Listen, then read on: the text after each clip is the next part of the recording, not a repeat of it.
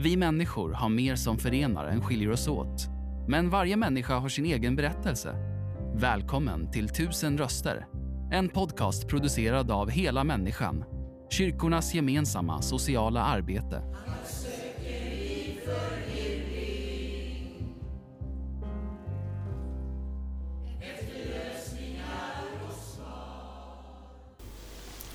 Ja, då är vi hos Hela Människans verksamhet här i Motala Vadstena. Och jag träffar Rebecka Pettersson som är 36 år. Hon är mamma till eh, två pojkar på 3 och 8 år. Just nu lever hon inte i någon relation. Hur är läget med dig? Det är bara bra tack. Ja, Ja, eh, du kom hit till Hela Människan eh, här i verksamhet idag för att hämta en matpåse. Ja precis. Eh, man kan få lite hjälp med det om man har... Jag tror egentligen är det vanligtvis tisdagar som man kan komma hit och sen så förut var det i alla fall i en lucka. Eh, så man fick ja, men ange hur många man är i familjen och ja, men lite så. Och sen så plockar de ihop eh, ja, men väldigt fina matkassar faktiskt. Ja, men som man kan få med sig hem. Mm. Ja. Jättebra. Ja. Eh, Du har ju inte jättehög inkomst idag i och med att du är sjukskriven. Yes. Ehm, Så att, vad, vad betyder det att kunna få en sån här påse? Nu har ju du bara fått den fyra gånger då. Eh, ja, men jag försöker ju att ja, men varje månad klara mig själv. Men eh, ibland så går det inte alltid. Och då är det suveränt att kunna få ja, men den här extra hjälpen. Eh, och ja, men alltså för många, ja, men det finns ju många som har till exempel diabetes och sådana saker. Och då gör det ju en skillnad på liv och död faktiskt. Eh, men för mig, ja, det är ovärderligt. För jag har fler munnar att mätta än bara min egen. Mm. Du är ju uppvuxen i Mjölby men flyttade hit till Motala som 18-åring då. Ja, Eh, och bor nu i Charlottenborg, va? Heter det. det stämmer. Mm. Hur trivs du här i Motala? Jag trivs jättebra. Det är en eh, fantastiskt fin eh, sommarstad överhuvudtaget. Så. Och sen allting som ligger runt omkring Vadstena och ja, men så. Man kan ju ta sig överallt med buss. Men eh, ja, vintertid så tycker jag att alla städer är tråkiga och grå. Men ja, nej, jag älskar Motala och framförallt på sommaren med alla turister och alla som är ute och rör sig. Ja, ja, det är verkligen fantastiskt att hålla med om. Ja. Nu är vi på upphällningen här av sommaren men det är Ja, det fortfarande börjar, fint. börjar bli lite sådär tråkigt och dystert nu. Ja. Men samtidigt är de första kvällarna när man kan tända lite ljus och man fryser lite och tar fram filten i soffan. De är rätt mysiga de här faktiskt. ja, det är det verkligen. Ehm, som sagt, du är ju utbildad svetsare men just nu sjukskriven. Ja, Va, vad är det som eh, har gjort att du hamnat i, i sjukskrivning? ja det är väl en, ja, flera olika saker egentligen. Eh, jag svetsade när jag var gravid med eh, lillebror. Han är tre år idag och eh, efter mammaledigheten så var det svårt att komma tillbaka in i det här med rutiner och allting igen. Eh, jag hade gått hemma, tror jag, lite för länge och blev på något sätt lite folkskygg och tyckte att det var jobbigt att vara bland folk och ljud och det ihop med ADHD och ihop med ett liv man har levt tidigare som kanske inte har varit det bästa. Ja, så en rad olika Mm. grejer då, egentligen.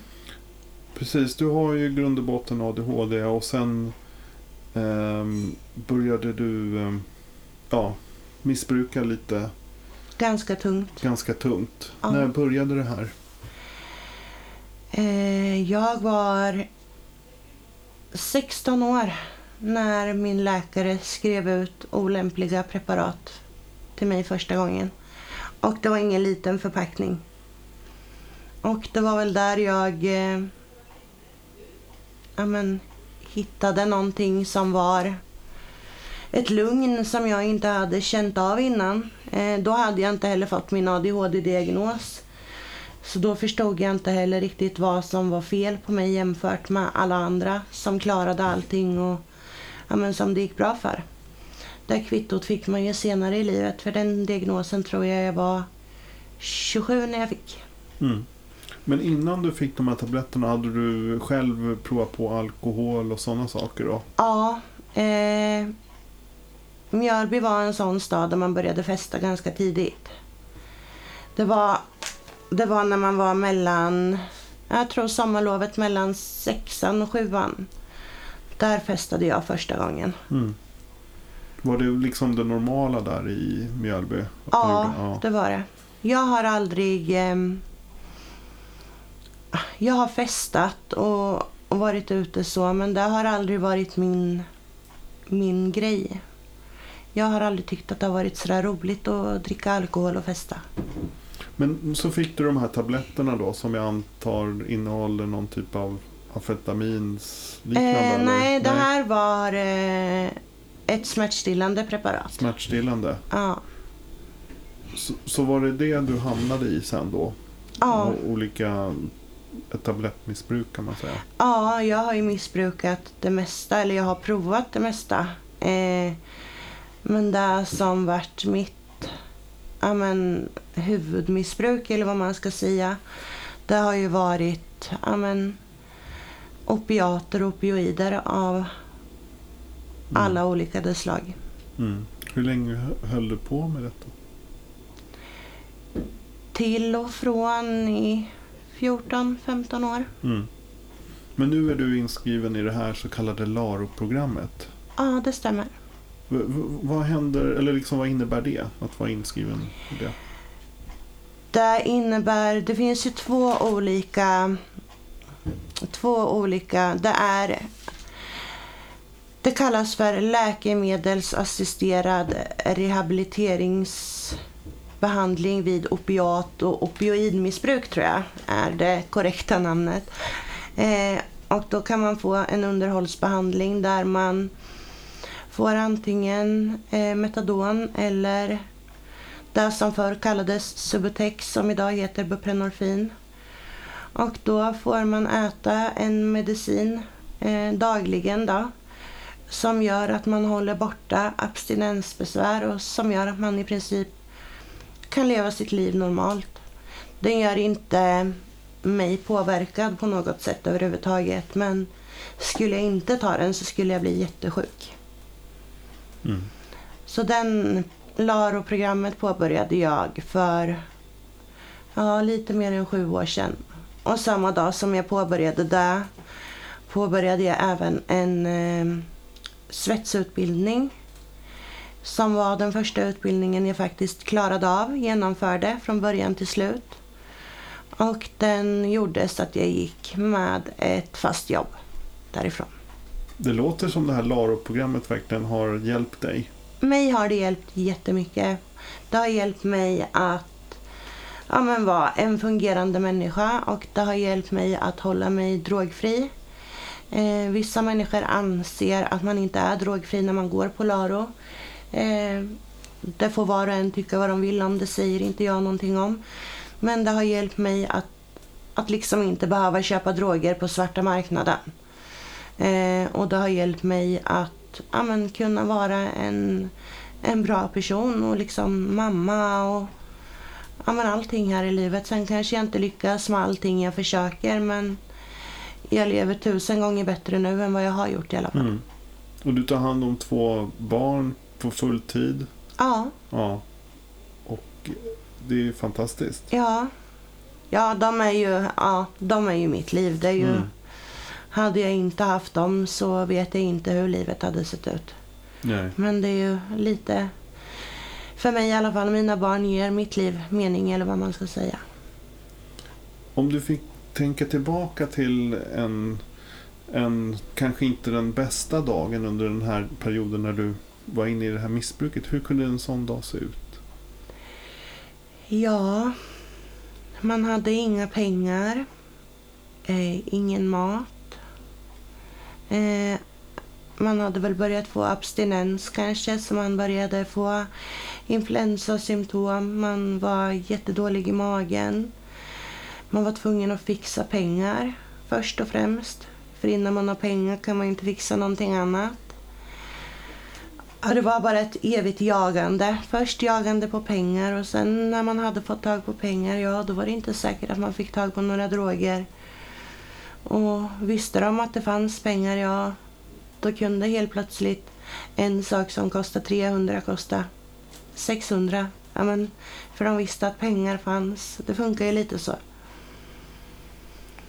Ja, vad, vad, vad, fick du göra för att liksom få tag på pengar? Ja, vad fick jag göra? Eh, ja, fruktansvärda saker egentligen. Jag... Eh, ja, man, eh, ja, man vart utnyttjad helt enkelt. Både känslomässigt och... Ja, nej. Mm. Man... Man fick ge vad man hade att ge så att säga och hade man ingenting att ge så fanns det något att ge ändå. Mm. Som kvinna in i ett missbruk så kan man bli ganska illa Ja, man är bemött. väldigt... Alltså, jag tycker man är utsatt i missbruk överhuvudtaget. Dels på grund av att man blir så låg i samhället. Man blir så både av myndigheter och jag menar alltså, människor runt omkring så blir man, man är mindre värd. Så bara där, att vakna med den känslan. Men att vara kvinna i missbruk är ju, ja, det... Och man vet ju vad man gör. Man gör det fast man inte vill göra det. För mm. att man har inte så mycket att välja på. Drogen finns där och du måste få i den i kroppen. Liksom. Ja. Mm. Om du tänker på en riktigt, riktigt bra dag som du har nu sen du har kommit in i det här LARO-programmet och så. Hur ser en sån dag ut? Ja, då ja, blir väckt av att antingen lilla grabben ligger i sängen och sjunger bredvid. Eller att eh, stora pojken kommer och klappar på en och sen så brukar vi sitta och äta frukost länge tillsammans och bara prata och titta på Pokémonkort och allt möjligt. Och I somras brukade vi packa väskorna och sen brukade vi åka ut med den här badbussen som gick till Varamon. Då. Och sen hängde vi där ute hela dagarna. Det var väldigt mysigt. Och vi hade med oss fika och ja, men kylväska så vi kunde vara från tidig morgon till sen kväll. Fantastiskt. Och ja, jag tycker nog nästan de stunderna är mysigare än de när man åker iväg och det är aktiviteter och ja, men, karuseller och allt sånt där. Det är det där mm. lilla ja, men, extra när man tar sig tiden som inte finns till vardags som jag uppskattar. Mm. Verkligen. Om, om du fick beskriva dig själv lite kort. Vem, vem är eh, Rebecka? Ja, eh, en tjej som vill klara allt själv. Vill inte be om hjälp, helst. Och vill väl helst klara det på första försöket också. Vill inte behöva göra om. Eh, envis så att det blir både positivt och negativt. Eh, blivit ganska street smart tycker jag med åren. Trots att jag inte har liksom, jag har inte gått någon skola, ingen grundskola, ingen, inget gymnasium eller så. Eh, ja, men jag tycker jag fixar det mesta som jag behöver fixa så jag tycker att jag är ganska stark faktiskt. Mm. Det märks ja. att du är det. Ja. Och, och du berättade också att det här är fjärde gången som du kom och hämtar en sån här matkasse. Att du, ja. att du försöker i möjligaste mån klara det själv. Ja, precis. Eh, ja, men jag, första gången jag var här var väl kanske för två år sedan. Eh, och sen dess har jag väl kommit, det här är nog kanske fjärde gången som jag kommer hit. Eh, och jag försöker att styra ihop och nu har det blivit sjuka priser på maten i affärerna. Bara brödet vi brukar köpa har gått upp 18 kronor. Ja. Eh, så nu börjar det bli svårt när man, liksom, man är ensam med två barn. Eh, och nu har precis skolan börjat och det ska vara nya gympakläder och det ska vara ytterkläder och gummistövlar och barn växer. Så att det har behövts en hel del nytt och ja, den här månaden får jag helt enkelt inte ihop det och då är det sån himla hjälp att kunna komma hit och få en matkasse då. Vad betyder den här matkassen? Ja, den betyder så himla mycket. Den betyder... Ja, idag hade varit tredje dagen i rad som jag hade fått ge mina barn ja, men pasta, antingen med någon tomatsås eller köttbullar. Alltså, med den här matkassen så kan ja, barnen få lite varierat i sig. Jag hade löst, alltså man är mamma, man är tigermamma. Jag hade aldrig låtit mina barn gå hungriga. Men det här är en möjlighet för mig att inte behöva ja, men vända ut och in på mig själv. Utan jag behöver liksom bara be om lite hjälp. Mm. Verkligen. Om du fick beskriva din uppväxt, din tidiga uppväxt, hur såg den ut? Som en reklamfilm. Den har varit ja, men, allt ett barn borde få tror jag. Mm. Kan jag Mm. ge mina barn hälften och jag är jättenöjd. Mm. Mm. Fantastiskt. Ja, jag har haft allt. Trygghet, kärlek, två närvarande föräldrar som har trott på mig, peppat mig. Ja, men, ja. Har ni kontakt idag? Eh, min mamma lever inte, men eh, jag träffade min pappa fem minuter innan jag gick in här. Mhm. Ja, och pappa Okej. och jag, jag är en sån där pappas tjej. Kan inte gå och lägga mig om jag inte har pratat med pappa någon gång under dagen sådär. Mm. Mm. Fantastiskt. Ja, Ehm, jag tänker på både samhället och kanske dig som person. Men vad gör dig ledsen idag? Så, vad finns det för situationer som gör dig ledsen? Ja, men det är väl... Det är väl det här ständiga dömandet av människor. Eh, att man inte tror på en förändring hos människor. Eh, nej, det kanske inte går de första hundra gångerna men om folk slutar tro på varandra hur ska man kunna tro på sig själv och hur ska man klara det någon gång? Alltså, till slut så har man styrkan och till slut så, så går det. Eh, och man kan inte göra mer än att försöka. Har du mött på det här att de inte har trott på dig? Eh, jag möter på det fortfarande. Jag går ju på den här LARO-behandlingen och jag har jätteproblem. Eh, jag får ju bevisa mig hela tiden. Komma och räkna tabletter så att, ja, men, så att de inte tror att man har sålt eller ätit för mycket eller gjort någonting. Och man ska lämna urinprov och det tas extra stickor och ja, Nej, jag får fortfarande... Alltså jag har inte lämnat ett urinprov som har varit positivt på någonting på över ja, nästan åtta år nu. Och det känns nästan som att de nu ska jag sätta dit dig. Mm. Eh, nu har ju inte jag någonting att dölja men jag tycker det är tråkigt att människor som jobbar med människor antingen i missbruk eller med psykisk ohälsa att de har så svårt att tro på att en människa ska förändras för då tycker jag inte att man ska jobba med det man jobbar med. Mm. Nej, verkligen. verkligen. Om vi vänder på frågan då. Vad gör dig väldigt glad? Ja men det är väl ställen som det här där människor som kanske inte har någon som kanske har blivit, ja men en del familjer vänder ju liksom ryggen till om man hamnar i ett missbruk.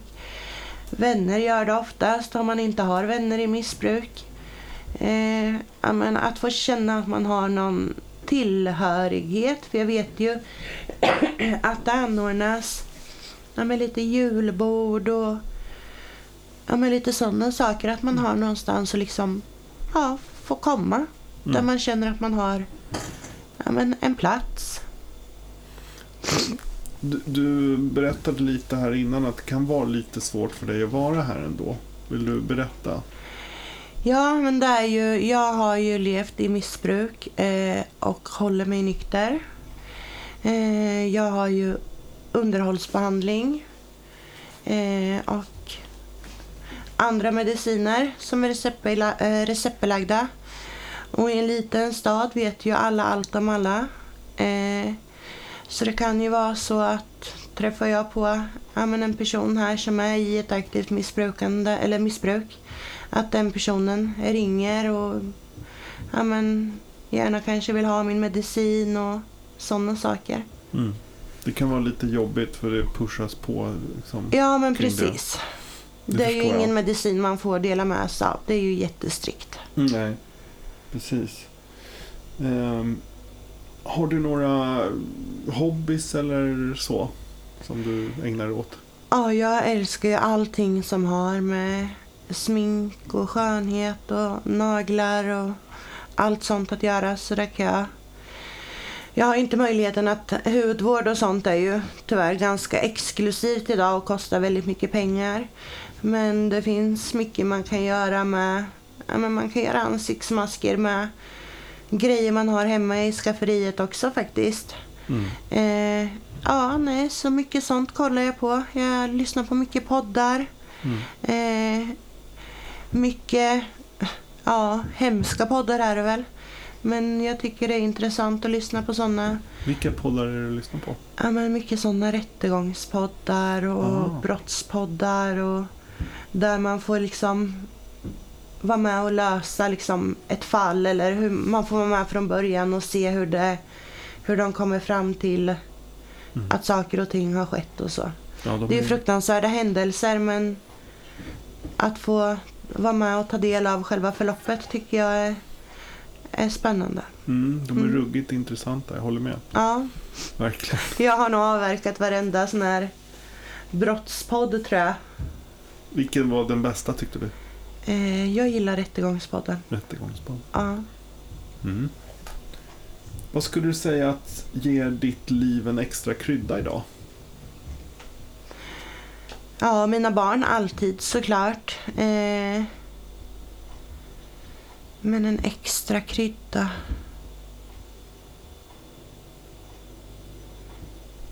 Ja, men... Men vet barnen är ju verkligen en extra krydda. Ja, jo, men de är ju, men de är ju alltid, Mm. de är ju hela min mening med mitt liv. Men jag tycker om ja, men en sån där riktig feelgood dag. Där liksom när det är städat hemma, tvätten är fixad, allting är rent och i ordning. Man kan öppna kylen och frysen och det är handlat. Man liksom behöver inte gå ner till Ica och komplettera utan allting finns för nästa måltid. Jag är inte så duktig på att planera. Jag behöver bli bättre på det. Så det är oftast någonting jag alltid behöver om jag ska laga mat.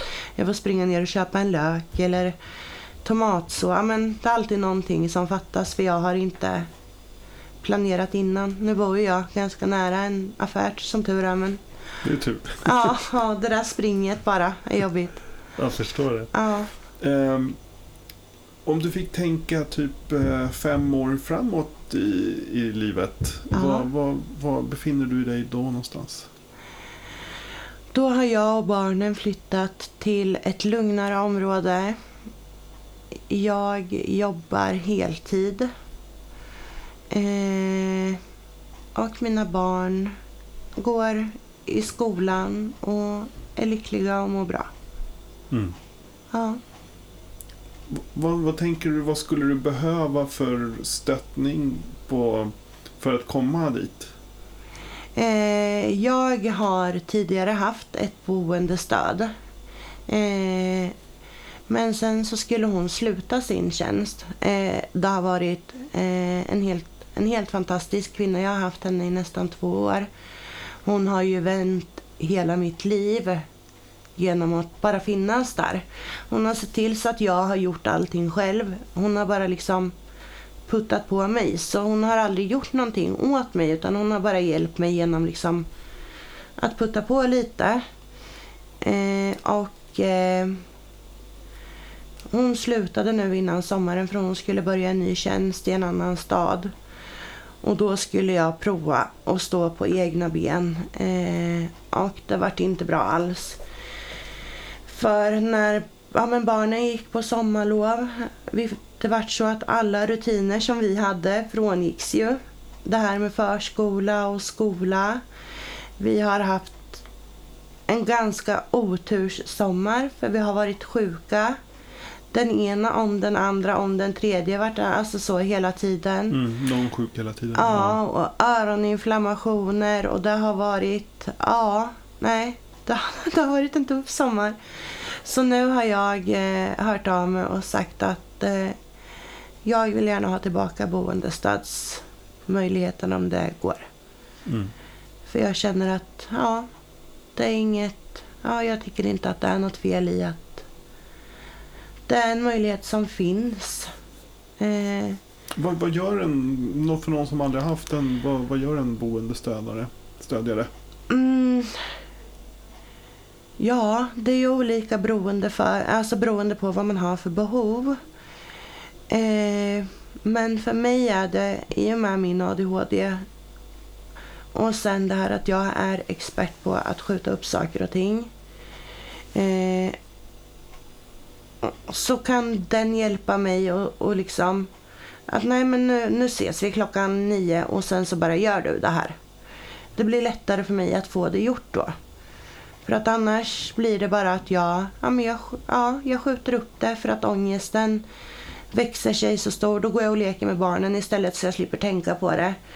Och sen dagen efter så sitter jag där med dubbelt så stor ångest och klarar inte av att ta tag i det. Och sen är jag inne i den där spiralen. Och Mm. det, det är där jag behöver hjälp med i alla fall. Sen finns det de som ja, men kanske behöver hjälp med att städa hemma, tvätta, rensa, betala räkningar. Mm. Har, eh, men du har kontaktat myndigheterna nu och begärt att få en sån. Vad, eh, är det stor kö, väntetid eller kan det vara problematiskt att få en sån? Nej, nej det tror jag inte. Eh, jag ringde igår eh, och eh, jag blir nog tilldelad den ganska så fort tror jag. Mm. Ja, Det låter ju jättebra. ja. Ehm. Nu när eh, du kliver ut från den här intervjun och ska åka hem och ta hand om ditt barn som var sjuk va? ja. Ja. Han Eh, har ont i huvudet idag. Stackarn. Ja, i natt mådde han illa och sen när han vaknade i morse så hade han ont i huvudet. Men ja, Men när du kliver ut här och tar med dig påsen hem. Vad, vad tänker du, vad skulle kunna vara nästa steg på den här eh, livsresan för dig? Jag vet inte. Nu har jag gjort... Eh, nu har jag eh, skrivit, eller eh, inte skrivit, jag har ringt och pratat med dem och sagt att jag behöver den här hjälpen och jag har blivit beviljad insatsen. Eh, så det är väl det. Det jag ska göra nu, nu väntar jag på en, eh, en operation som ska bli av i oktober. Eh, efter det, när jag är klar, så tänker jag kasta mig ut i arbetslivet Mm. direkt. Och jag är ganska så ja, men envis. Jag har nog inte sökt ett enda jobb som jag har velat ha och sen inte fått det. Så jag är ganska säker på att jag löser det. Hur ser det ut med svetsarjobb? På grund av kriget och nu är det en lågkonjunktur på väg in. Kanske inte jättebra för tillfället. Men eh, kvinnor i svetsbranschen är ganska eftertraktat. På grund av att många företag eh, vill höja kvoten, eh, den här jämställdhetsnivån. Eh, och man har insett att kvinnor är fantastiskt duktiga på att svetsa. De har oftast ett väldigt bra handlag för det. Eh, så är det så att det liksom är dåligt med svetsjobb på grund av liv, eller världsläget eller vad man ska säga. Så kanske jag har turen att jag är rätt så duktig på det jag gör och är kvinna. Fantastiskt. Ja, ibland så ska man ju faktiskt få en liten den här för att man är kvinna. För det är många gånger man, det är tvärtom. Vi får hoppas att det blir så verkligen. Ja, ja men det hoppas Men det, jag. det känns ju att du har ett go, du har ett driv. Ja, det är ju... Jag ger mig ju aldrig. Nej, Nej. det märker man när man pratar med dig. Men jag har ju satt två barn till världen också. Så det är ju liksom lite min skyldighet Mm. att inte göra det. Mm. Mm. Fantastiskt att vi fick lyssna på din livshistoria. Ja, tack så mycket för att jag fick komma. Ja, tack så mycket. Tack. Tack för att du lyssnat. Intervjun gjordes av Daniel Ryderholm och musiken framfördes av Gatans röster. För att hitta fler avsnitt och ta reda på hur du kan engagera dig besök helamänniskan.se volontar.